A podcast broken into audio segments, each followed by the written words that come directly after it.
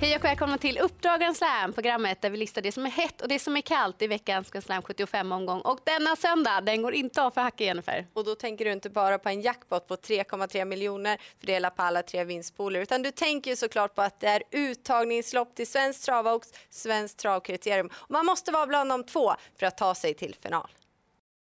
Innan vi går vidare till veckans heta så ska vi ta omgången snackisar och vi börjar med den första. Det är Rydén mot Nurmos och varför just den här duon? För att båda två är otroligt skickliga på att ställa ordning till just den här helgen. Och det är ren fakta. De senaste åtta åren så har den här duon tillsammans kammat hem sex av kriteriesegrarna. Så det gäller att hålla koll på samtliga av deras hästar på söndag. Går vi till snackis nummer två så är det just i den andra avdelningen. Det är en spännande debutant på svensk mark. Och då pratar vi om Elva Keila som tidigare tidigare har tävlat i USA för Marcus Melander men ska nu debutera för Marcus Schön. Och varför är just hon redan en snackis? För att hon är helsyster till självaste Joviality som vann derbyt i år.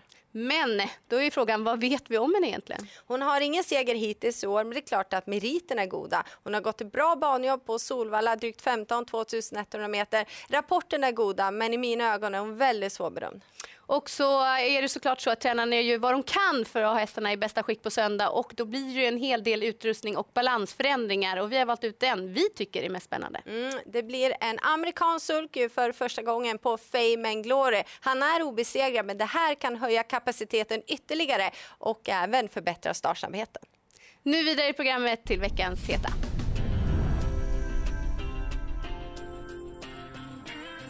I den andra avdelningen så vill jag lyfta fram nummer tre, Dial Square. Hon har bara hunnit med tre starter hittills i karriären men har gjort allting rätt. Hon lägger sig ner i grejerna och tar i på helt rätt sätt och från ett bra startspår så ska hon såklart ses med god segerchans. Det skadar inte heller att tränare Mattias Djuse fortsätter att hålla fin form på stallet och har redan hunnit med att vinna både final i Sprintermästaren och E3 under året.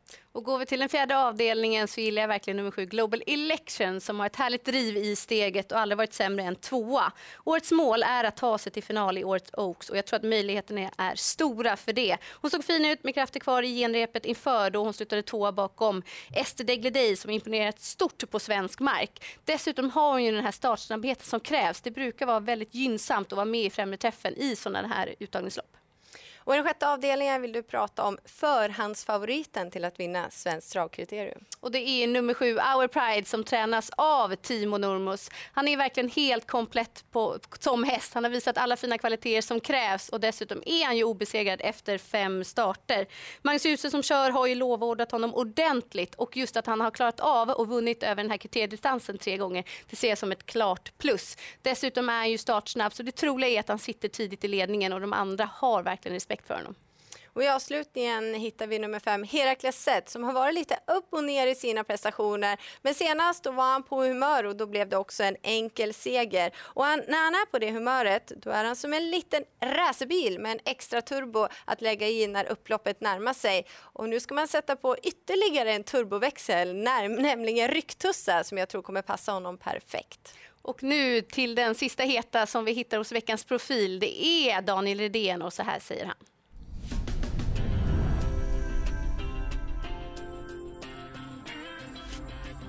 Ja, jag vill jag hålla fram Heavenly för att han är min eh, guldpojke. Jag har dragit ut honom. Så att nej, men, Delicious son ska vi säga. Ja, vi har ju mycket eh, förändringar på många hästar men Epic Kronos är den som har visat mest och Kinglet Bird. Då, så det är de två vi har störst förhoppningar med att kunna försöka ta oss till en final. Och det är jättespännande men eh, de två har ju varit väldigt bra.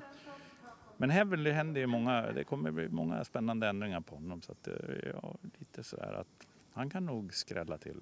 Och då vill vi veta vad det är för förändringar. Han ska lättas rejält i balansen. Han har gått med PG-skor hela alla starter och nu kommer han gå med aluminiumskor och barfota bak. Så att eh, det blir lite racing. Är det några andra ändringar som du vill lyfta fram som spelarna bör känna till? Ja, men det blir barfota runt om på Harriet tror jag och sen eh, Epic lättas lite fram. Eh, nej, sen är det väl inga, ja, det är små saker överallt. Man måste skruva till lite nu när det är årets största lopp. Ja, Dan Redén har ju såklart flera fina chanser, men vi är överens med honom att två Epic Kronos i den första avdelningen är väl ändå hetast. Det har ju varit en snackis. Det har det varit och det var tydligt på Örjan Kihlström efter senaste segern på Sovalla när han stod i vinnarcirkeln efteråt att det här var ju någonting extra till häst. Så att här är ju förväntningarna och förhoppningarna väldigt stora. Vi gillar ju vad vi har sett i honom. Ja, och Örjan Kihlström gör det ju också såklart och han är inte känd för att vara en man av stora ord. Så är det verkligen. Nu vidare till veckans Kalla.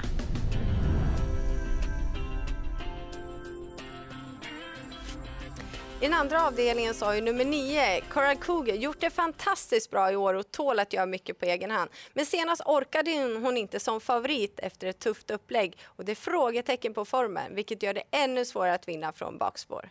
Och går vi till den fjärde avdelningen så startar nummer två Frustration från ett bra utgångsläge. Hon tjänade 1,4 miljoner som tvååring i fjol och besitter fin kapacitet. Jag är dock tveksam till att hon har den där toppformen som krävs för seger på söndag. Då jag tycker att hon har sett lite oinspirerad ut över upploppet i de senaste starterna. Ja, vi har verkligen en supersöndag framför oss. Det är jackpot och det är grymma hästar som startar. Ja, men det är det. Men det är bra spel också. Redan nu kan man spela på slutsegrare till både Svensk Travaux och Svensk Travkriterium på atg.se sport. Det finns fasta odds där.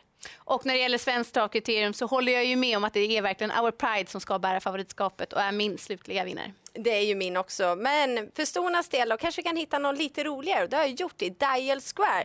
Lite högre odds för hennes del. Så häng med oss på söndag, start 15.00.